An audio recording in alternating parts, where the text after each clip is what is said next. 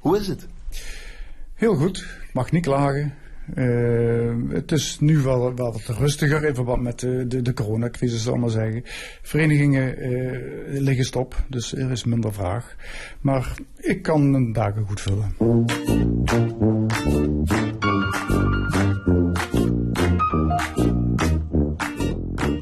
Hier in jouw hobo-atelier in Maasbracht en omschrijf even wat we zien vanuit jouw werkplek. Roman Krutsen.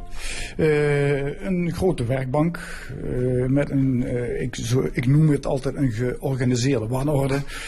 Maar dat is inherent aan de meeste ateliers, denk ik. Scheermesjes, een apparaat dat, dat, ik niet ken, tangetjes, kleine schroevendraaiertjes, polstertjes, in bakjes. Ja, lijnpistool en een heel rek met, met kurken, noem maar op. polijsmachines, een boormachine. En boordjes, eh, van alles wat veilen, noem maar op.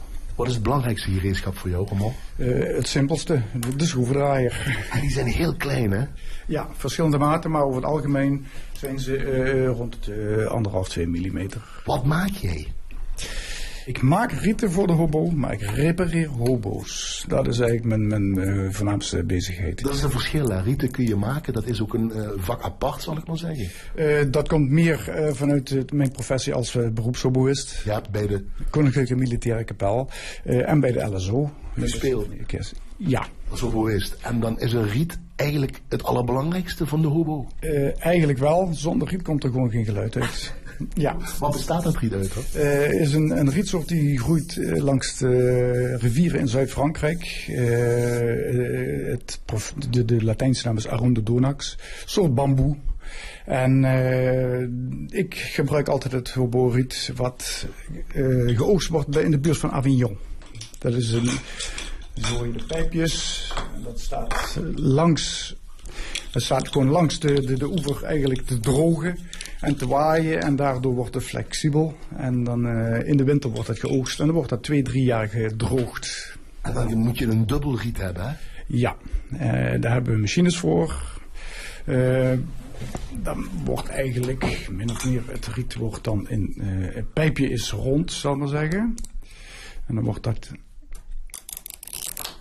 in drieën gesplitst. Een vlijmscherp, mes? Ja, alles is vlijmscherp. bij de roboten. In drieën, ja, dan leg je dat in het apparaat wat ik dus helemaal niet ken. Hoe heet dat apparaat? Het is een uitsteekmachine. Wordt het op lengte gemaakt. Dat lijkt een beetje op die sigarettenmachines, zal ik maar zeggen. Uh, ja. Om zelf sigaretten te maken. Stop je dat in zo'n gleufje, ja? Ja, dat klopt, maar dan rol je. Maar deze uh, gaat met een bijteltje over dat houtje.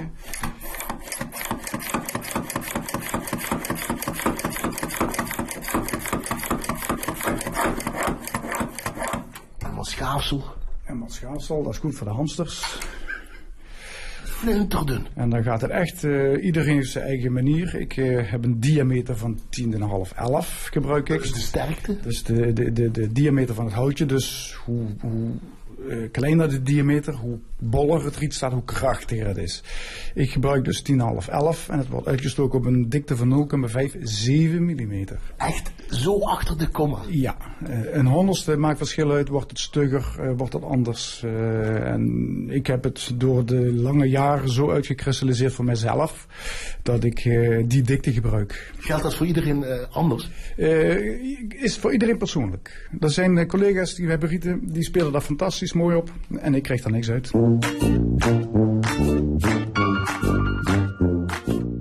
Perfectie, dat staat ook uh, bij jou hoog in het vaandel. Ja. Perfectie is uh, 100% perfect. Uh, 110, dat, ja, dat gaat spreekwoordelijk wel, maar in de praktijk is het gewoon echt 100%. 90 of 99 merk je. Uh, Wat merk je dan? Uh, begin je te spelen als ergens in het bovenstuk, bovenaan het instrument, iets niet optimaal is. Uh, hoe lager je komt, hoe zwaarder het speelt. En wanneer weet je dan, dit is goed, hier hoef ik niks meer aan te doen? dat kun je testen door een vacuüm te trekken. Dan hou je de kleppen dicht en dan zuig je eigenlijk de hobo vacuüm. Als dan nog in je mond, ja. Mm -hmm. En als je dan vasthoudt, dan voel je dat die druk niet loslaat. Dus hij blijft gewoon op dezelfde sterkte. En dan moet je niet nog harder moeten nadrukken, want dat sluit alles. Maar ik zelf speel heel licht met heel weinig vingerdruk. Dat is voelen. Dat is het voelen. En ook die afstelling, die controleren echt met een vloeitje de, onder de kleppen. En dan moet de druk overal precies hetzelfde zijn. Dat zie ik ook heel vaak bij hobbyisten. Die hebben en een bakje water naast zich staan op, op het podium als ze spelen. En de hele tijd met die vloeitjes zijn ze aan de weer. Ja, ik word er gek van. Wij ook. maar dat is uh, niet om, om te kijken of die kleppen goed sluiten. Uh, die sluiten dan als je op het podium zit. Maar uh, er zitten gaatjes in octaafkleppen bijvoorbeeld van een 0,678 mm. En als daar ietsjes van vocht in komt, dan gaat dat octaaf niet meer. Dan klinkt die gewoon een octaaf te laag. Dus je moet het droog maken. Het moet altijd droog zijn, watervrij. En je kunt je voorstellen dat als je op het podium zit en je begint te spelen, dan komt een mooie hobo solo op een hoge A. En dan hoor je praat in plaats van een mooie A. En je krijgt maar één kans, dus het moet goed zijn. Welk hout wordt een hobo gemaakt? Het is ebbenhout. Uh, wordt uh, tien jaar gedroogd. En dan wordt daar de, de, de, de body van gemaakt en gedraaid. En er zitten ook heel veel uh, gaatjes op korte afstand. En uh, hoe dikker het hout is, hoe meer het werkt. Dus net als een panlatje bijvoorbeeld, dat barst zelden of nooit. Een dikke balk, als die droogt, die scheurt. En door het inwerken van het vocht van binnenuit en van buitenuit de kou en warmte, dan gaat dat hout werken. En die krachten, die, kan, die kunnen scheuren veroorzaken. Maar die, kunnen, die kan ik dan weer repareren eh, door dat heel mooi op te vullen met speciale lijm en, en houtgruis. En dan wordt dat heel mooi uh, gepolijst en dan zie je er niks meer van.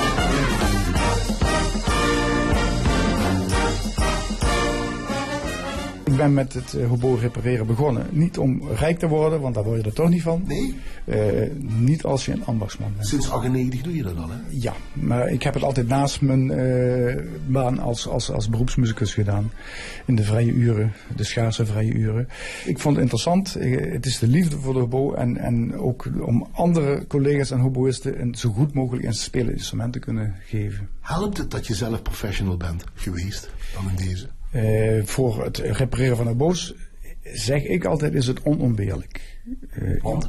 Iemand die uh, instrumenten repareert en die repareert een hobo, maar die kan hem niet bespelen zoals ik kan bespelen, dus die kan nooit de fijne knipjes eruit halen. Wat doet deze periode nou met jou? de muziek ligt nou helemaal stop, de professionals ook. de verenigingen? De verenigingen. Dus er zijn een, een, aantal mensen die zeggen van dit is een mooie periode om een instrument uh, een onderhoudsbeurt te, te komen geven. Dus extra druk misschien voor jou? Uh, ja, dat wel. Uh, maar de, de, de, vorige crisis, zeg maar, de cultuurcrisis, die heeft het meeste kapot gemaakt. Dat is ook de reden waarom dat ik eigenlijk zelf ben gestopt met professioneel spelen. Want? ik moest steeds meer werken voor, een, voor in wezen minder geld als professional.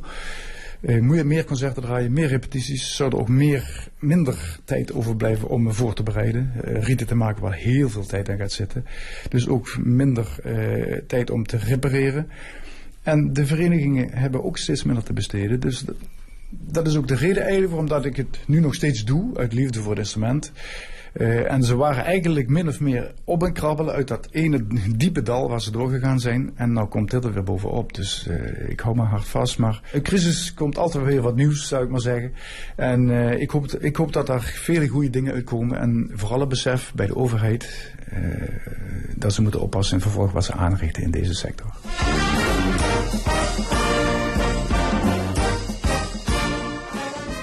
Wanneer ben je tevreden met je werk? Ik ben pas tevreden als de klant tevreden is. Maar dan eerst moet ik er tevreden over zijn. Je hebt namelijk ook klanten die zeggen: Oh, dat is prima zo. Maar dan denk ik van. Laat nog eens even. Eh, nee, nee, nee, hier wacht, hier zit nog wat. Dus hij moet in eerste instantie voor mij perfect zijn als perfectionist. En dan moet de klant ermee eh, tevreden zijn. Waarom zal je dit vak altijd blijven uitoefenen?